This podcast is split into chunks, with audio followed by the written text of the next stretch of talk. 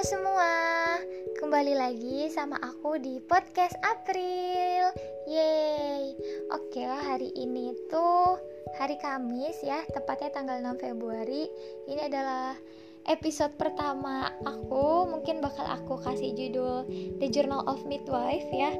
Karena di sini aku pengen ngebahas sedikit aja sih mengenai perjalanan aku dari mulai pendidikan sampai sekarang sudah menjadi bidan dan sekarang aku juga lagi lanjut sekolah lagi pendidikan S1 kebidanan di Semarang.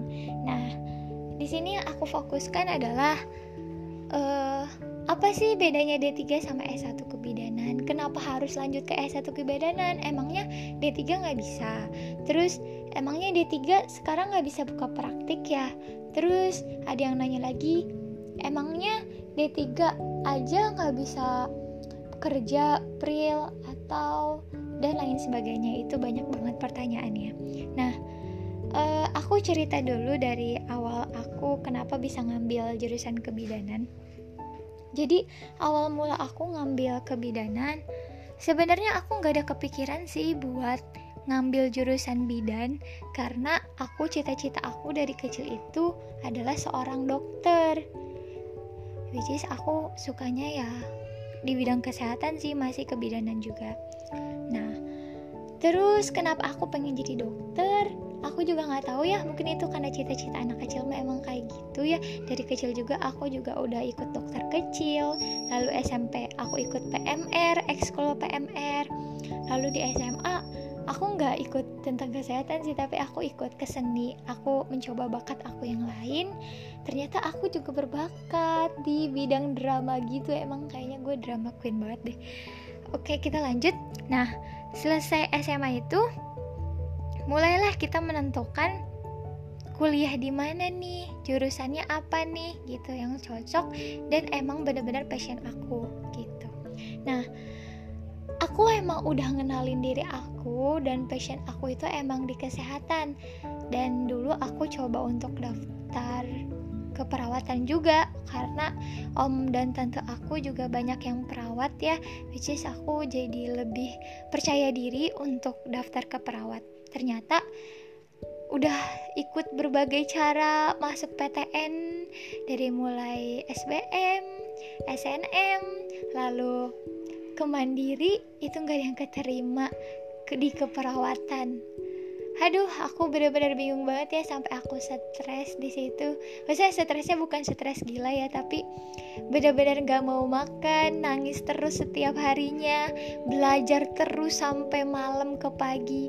Aku bener-bener orang yang kalau punya masalah tuh kepikiran terus dan gimana nih solusinya gimana nih solusinya? Makanya aku harus terus kerja keras supaya uh, aku bisa menemukan solusinya ini gimana. Sampai akhirnya mama bilang coba di kebidanan.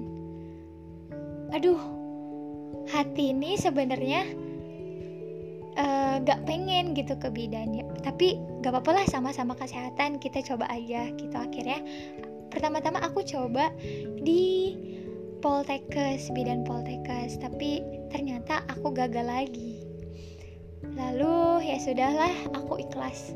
Aku coba daftar di Universitas Negeri Kerawang namanya Unsika dengan jurusan kebidanan karena di situ juga nggak ada keperawatan atau kedokteran. Jadi aku milihnya hanya kebidanan karena dulu cuman ada uh, jurusan kebidanan untuk Fakultas Ilmu Kesehatan. Kalau sekarang kan udah ada faku, udah ada prodi gizi, ikor, farmasi, dan mungkin nanti bakal lebih banyak lagi prodi-prodi yang lain di Unsika.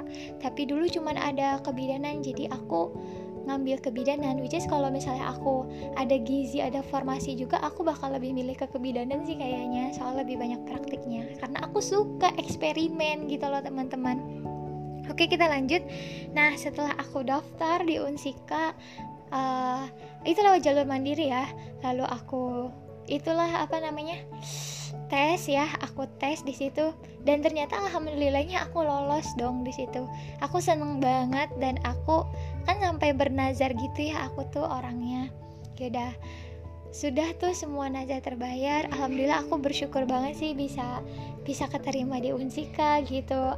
Awalnya mau begitu teman-teman. Tapi ya namanya manusia ya tempatnya mengeluh jadi aku udah diterima di Unsika. Masih aja ngeluh tentang kampusnya dan sebagainya. Tapi biasanya aku ketika aku sudah lulus aku merindukan Unsika sekali gitu. Ya Allah aku jadi pengen ke Unsika kan.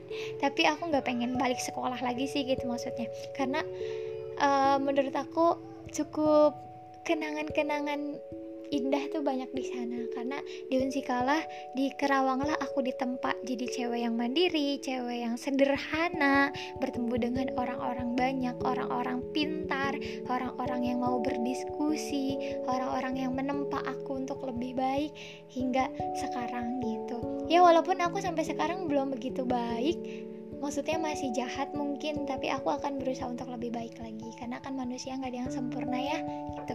Oke kita lanjut sampai mana tadi? Sampai aku udah keterima di kebidanan. Nah setelah oke okay, uh, eh, kan di kebidanan itu kebidanan D3 itu kan tiga tahun berlangsung tuh kita tiga tahun sampai aku lulus. Ternyata teman-teman yang bikin aku dan teman-teman aku shock beserta teman-teman sejawat bidan aku shock adalah ada peraturan baru di mana bidan itu kalau mau buka praktek harus sarjana profesi.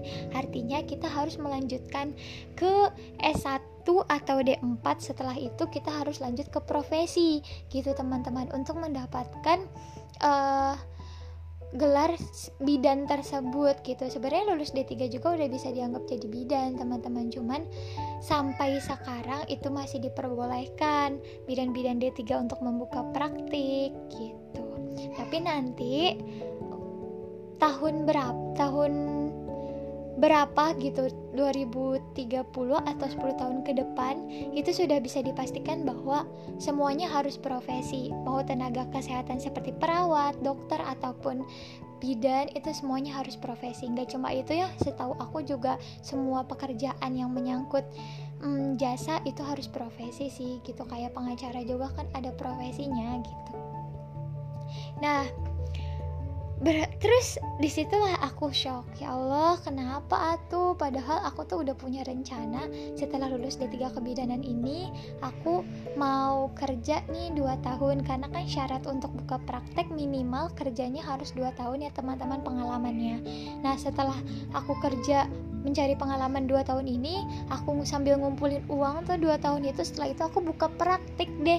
Setelah buka praktik mau nikah mau banggain orang tua dan banyak lagi rencana-rencana aku ke depannya. Eh taunya Allah berencana lain teman-teman. Pemerintah mengeluarkan undang-undang baru seperti itu. Ya ya mumpung aku masih muda gitu dan dan alhamdulillah orang tua aku juga masih bisa membiayai aku untuk sekolah di kebidanan.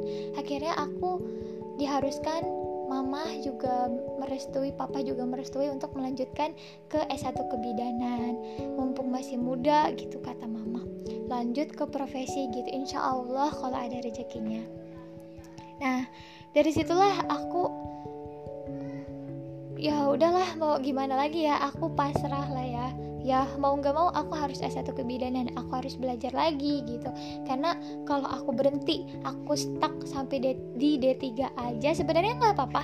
Uh, aku bukan bilang bahwa teman-teman aku yang D3 kebidanan ini nggak nggak apa ya nggak profesional atau belum disebut sebagai bidan atau sebagainya enggak udah disebut sebagai bidan teman-teman cuman mungkin nanti uh, seperti yang aku bilang tadi tahun keberapanya uh, titel D3 kebidanan ini sudah tidak dipakai lagi karena sudah tidak bisa buka praktik harus melanjutkan kuliah lagi sampai ke profesi gitu teman-teman. Jadi aku berpikir ya udahlah daripada nanti-nanti uh, aku udah males gitu ya apalagi kalau udah nikah asik udah punya buntut gitu ya jadi makin males gitu belajarnya. Makanya uh, kata mama ya udah sekarang aja mumpung lagi masih muda gitu. Mumpung mama juga masih dan papa masih bisa biayain. Jadi aku lanjut deh S1 kebidanan.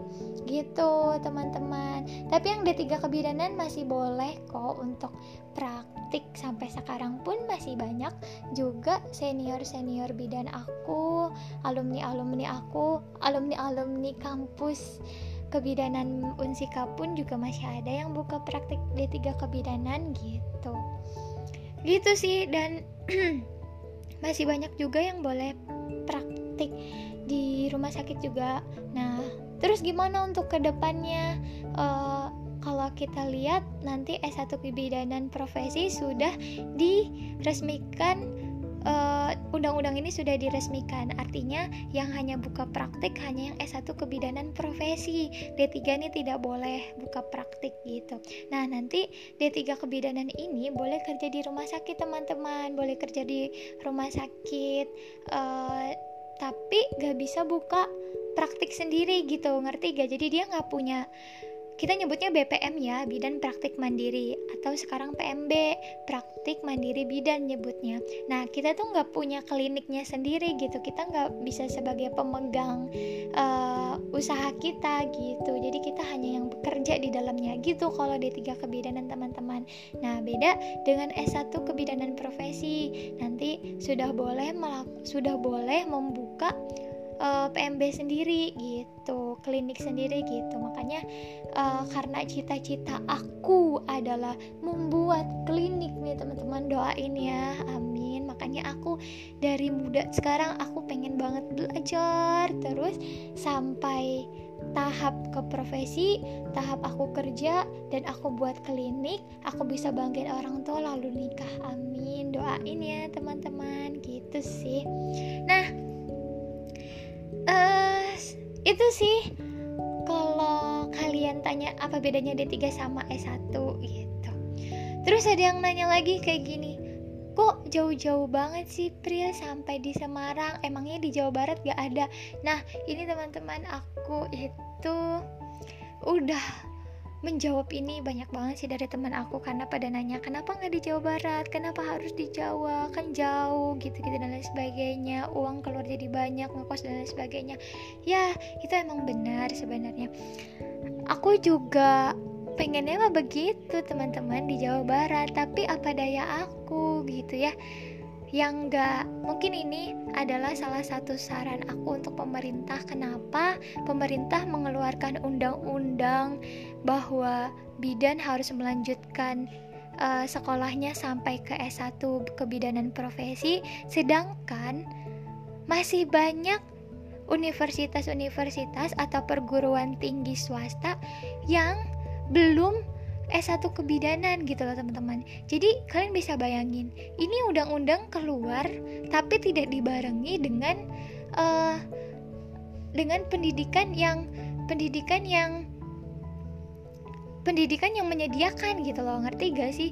Jadi kayak aku harus apa nih sekarang? Gitu.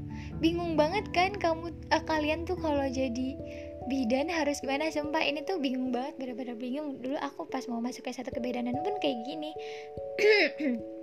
Aku tuh bingung sebenarnya kenapa sih pemerintah uh, membuat peraturan seperti ini tapi dia nggak buat universitas atau PTN-PTN negeri menjadi S1 gitu. Malah masih banyak yang D3 gitu.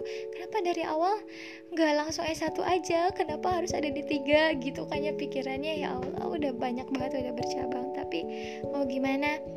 Uh, pasti yang namanya globalisasi ya teman-teman apalagi sekarang udah industri 4.0 jadi jadi emang sudah harus menyetarakan sekali yang namanya pendidikan itu. Dan aku nggak tahu sih ke depannya bagi kayak gimana tapi tapi yang harus aku yakinin adalah uh, bukan dengan sarjana aku akan sukses bukan dengan D3 aku gak bisa sukses tapi yang aku tekankan adalah di sini aku harus bekerja keras aku harus berinovasi karena di era industri 4.0 ini uh, bukan lagi butuh yang namanya orang-orang uh, yang diam saja tapi butuh yang namanya kreativitas dari anak-anak muda. Gitu sih yang mau aku tekankan. Itu adalah skill. Skill kita nggak boleh lepas gitu. Jadi sepintar apa pun kamu kalau kamu nggak bisa survive di kehidupan ke depannya sama aja gitu. Kamu akan mati ditelan dunia gitu. Istilahnya gitu ya. Gitu sih. Nah kenapa aku harus di Jawa Tengah di Semarang? Karena gini loh teman-teman. Yang ada S1 nya itu cuman ada di Universitas Erlangga di Surabaya di UNER. Itu yang negerinya ya teman-teman. Dan ada di Unbrau Brawijaya itu di Malang. Tapi yang di Unbrau ini teman-teman dia nggak bisa transfer dari D3 gitu. Dia nggak bisa exchange dari D3 jadi dia harus dari S1 harus dari SMA sorry sorry SMA maksudnya. Jadi dari SMA langsung ke S1 kebidanan. Ya emang harusnya seperti itu dari dulu. Tapi tapi baru baru peraturan itu baru ada sekarang makanya Unbrau langsung mengganti. Kalau kebidanan langsung aja dari SMA buat ke S1 jadi nggak perlu ada D3 dulu gitu. Nah kalau yang di UNER ini dia itu bisa teman-teman dari transfer D3 kebidanan ke S1 kebidanan. Nah aku cobalah di situ teman-teman di UNER. Aku ke Surabaya tuh aku terbang ke sana. Dan di sana tesnya adalah SBMPTN Kalian bisa bayangin, aku SMA 3 tahun yang lalu, aku udah lulus D3 kepidana nih teman-teman. Terus aku disuruh ngulang SBMPTN lagi gitu tesnya. Aku mana bukan gak ngerti ya, tapi aku udah lupa rumus-rumus fisika, kimia. Aduh, aku cuma bisa ngerjain MTK doang dong di situ sama sama ngerjain psikotesnya. Karena biologi pun aku udah agak lupa karena kan biologi SMA tuh lebih kayak yang mendalam banget ya. Bukan biologi kayak makhluk hidup yang sekarang aku pelajarin di, di kebidanan gitu. Dan ya udahlah emang hasilnya bukan jodoh kali ya di UNER. Akhirnya aku nggak lulus di sana. Which is aku sedih banget dong ya. Parah aku sedihnya parah banget itu juga. Sama lagi kayak waktu SMA gitu loh aku stres lah lagi aku di situ. Aku gak makan lagi gitu deh pokoknya. Kalian paham lah. Aduh pokoknya aku pusing banget deh di situ. Mana aku tuh pas itu karena aku lagi bingung-bingungnya nyari universitas ya kan? Aku kan pengen lanjut ke S1 kebidanan. Oh ya aku nggak mau ke D4 ya teman-teman karena menurut aku sayang banget sih kalau D4 gitu. Jadi aku pengen lanjut ke S1 aja. Tapi which is nggak apa-apa kalau kalian mau lanjut ke D4 juga nggak apa-apa gitu. Cuman aku pengen S1 aja gitu. Pengen yang baru aja gitu nggak mau yang diploma diploma lagi gitu sih. Oke aku lanjut. Nah, akhirnya uh, aku tuh sempat berpikiran untuk apa aku kerja aja ya gitu. Aku udah coba tuh daftar di rumah sakit ini, rumah sakit ini. Pokoknya aku ngirim banyak banget sih lamaran kerja aku di setiap rumah sakit yang aku tahu gitu. Ya pastinya aku lewat email ya dan sempat aku dapat penipuan juga di situ aku sedih banget sih. Aku ditipu berjuta-juta uang aku keluar kalian bayangin aku tambah stres aja di situ udah istilahnya gini loh ujiannya bertubi-tubi banget. Aku ditolak di UNER lalu aku ditipu orang. Jadi kayak sekolah gak dapet kerja pun gak dapet. Ya Allah aku hampir putus asa di situ. Tapi Astagfirullahaladzim tapi uh, aku balik lagi. Aku tuh nggak boleh kayak gini. Aku ingat aku ketujuan utama aku adalah untuk membanggakan kedua orang tua aku kok kalau misalnya aku berhenti sampai di sini aku akan menjadi orang yang gagal gitu. Dan gagal itu bukan hal yang baik dan Allah membenci orang-orang yang berputus asa gitu. Akhirnya aku coba untuk nenangin diri aku dan alhamdulillahnya aku punya orang-orang tersayang yang emang support aku banget gitu ya. Dan alhamdulillah banget aku ngerasa pertolongan Allah tuh di sini berasa banget. Alhamdulillah banget tiba-tiba ada temen aku yang bilang bahwa ngajak aku gitu untuk daftar S1 kebidanan di Universitas di Semarang. Loh aku ada aku kaget dong di situ. Karena setahu aku cuman ada di Unbrau di Uner dan di Uner ya. Taunya ada teman-teman di Semarang. Itu adalah kampusnya kampus swasta 2 yang satu aku nggak lolos tapi yang satu itu aku lolos. Alhamdulillah banget aku di kampus yang Semarang ini aku dipermudah banget dari mulai cara pendaftarannya sampai aku tesnya pun kan online ya itu aku dipermudah banget gak tahu emang mudah ya apa emang aku dipermudah sama Allah tapi aku yakin sih setiap kejadian setiap peristiwa pasti Allah melihat dan Allah uh, menjaga aku untuk dari sifat-sifat yang jahat. Jadi aku selalu yakin semua hal-hal yang baik semua hal-hal yang memang udah jalannya itu dari Allah gitu. Dan uh, hal-hal yang buruk atau kecerobohan itu emang dari manusia bukan dari Allah. Dan hal-hal yang baik itulah dari Allah. Makanya kita harus yakin teman-teman kalau kita itu bisa. Kalau kita ini uh, pejuang kita ini generasi muda kita ini dilahirkan bukan untuk jadi pecundang kita ini dilahirkan untuk jadi pejuang kita ini dilahirkan bukan menjadi anak yang lemah tapi anak yang kuat karena kita berhasil lahir di dunia ini dari beribu-ribu dari beribu-ribu uh, beribu-ribu sel sperma yang mampu untuk membuahi ovum gitu. Jadi kalau kalian lihat tuh teman-teman proses pembuahan itu beribu-ribu bahkan berjuta-juta sperma yang mampu hidup itu hanyalah satu dan mampu untuk membuahi ovum. Dan itu adalah kita kita yang terakhir di dunia ini. Makanya kita harus bangga teman-teman dan harus banyak-banyak bersyukur terhadap Allah Subhanahu wa taala. Gitu sih. Oke, aku balik lagi tadi sampai ke Universitas di Semarang ya. Aku keterima di Universitas Semarang dan sekarang lagi aku jalanin. Dan alhamdulillah aku sekarang uh, udah lewat satu semester ya. Dan sekarang aku lanjut ke semester 2 cuman aku sekarang lagi liburan ya aku menikmati liburan aku sih selama di rumah ini. Gitu sih segitu aja podcast dari April. Mudah-mudahan cerita aku ini bisa menjadi motivasi untuk kalian. Ya walaupun mungkin gak banyak yang bisa aku share ke kalian tapi mungkin sedikit aja. In mudah-mudahan bisa menginspirasi kalian dan bisa membuat kalian lebih lebih lagi bersemangat untuk ber, belajar ya pastinya gitu. Karena orang yang sukses itu terlahir dari tempaan, dari tangisan, dari siksaan, dari deritaan yang mereka alami tidak ada yang berjalan mulus gitu. Banyak banget kerikil yang harus emang kita injak dan terasa sakit. Tapi untuk menuju ke jalan yang bagus kita harus melewati yang namanya kerikil gajlukan belokan gajlukan. Polisi tidur maksudnya gitu ya. Gitu sih. Ya udahlah ya. Uh, gitu aja podcast dari April mudah-mudahan bisa bermanfaat. Kurang dan lebihnya mohon maaf. Bisa gue udah kayak pidato ya. Yaudah ya uh, see you in next podcast. Bye bye